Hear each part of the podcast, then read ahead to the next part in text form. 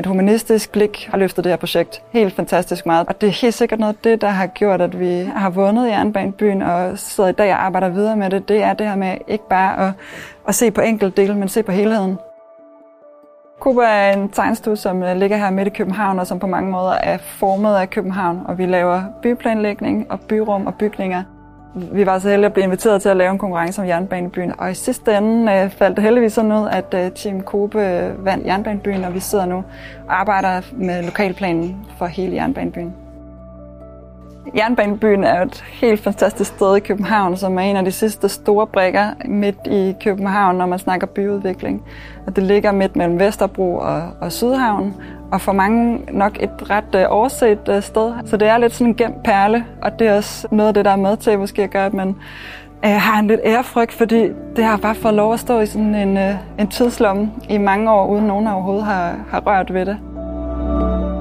For os arkitekter, der tror jeg, at det er altafgørende, at vi kigger op fra skrivebordet og fra pen og papir og, og får samarbejde. Og særligt det her med at få, få nogen, der ikke normalt sidder med det byggede miljø, men øh, med et humanistisk blik på byen. Det har gjort rigtig meget, hvor vi både kigger tilbage, hvad er det historisk set, der er vigtigt, men også, øh, også måske løfter lidt, så vores øh, begrebsverden ændrer sig. Vi har mange ord, som vi efterhånden har sagt så mange gange, at vi ikke længere tænker på, hvad betyder det egentlig. Men hele fortællingen om jernbanebyen og de ord, vi bruger, er helt sikkert blevet udfordret igennem det samarbejde, vi har haft.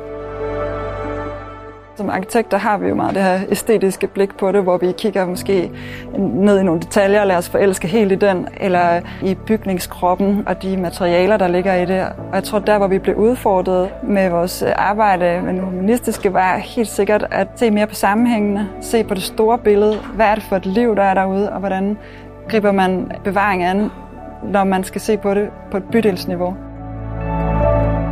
Der bliver stillet nogle spørgsmål, som vi ikke nødvendigvis vil stille os selv. Vi er alle sammen enige om, at det her det er ud fra et arkitekts synspunkt øh, helt fantastisk, men øh, det gør rigtig meget for os, at vi bliver udfordret på, på vores egen måde at tænke på.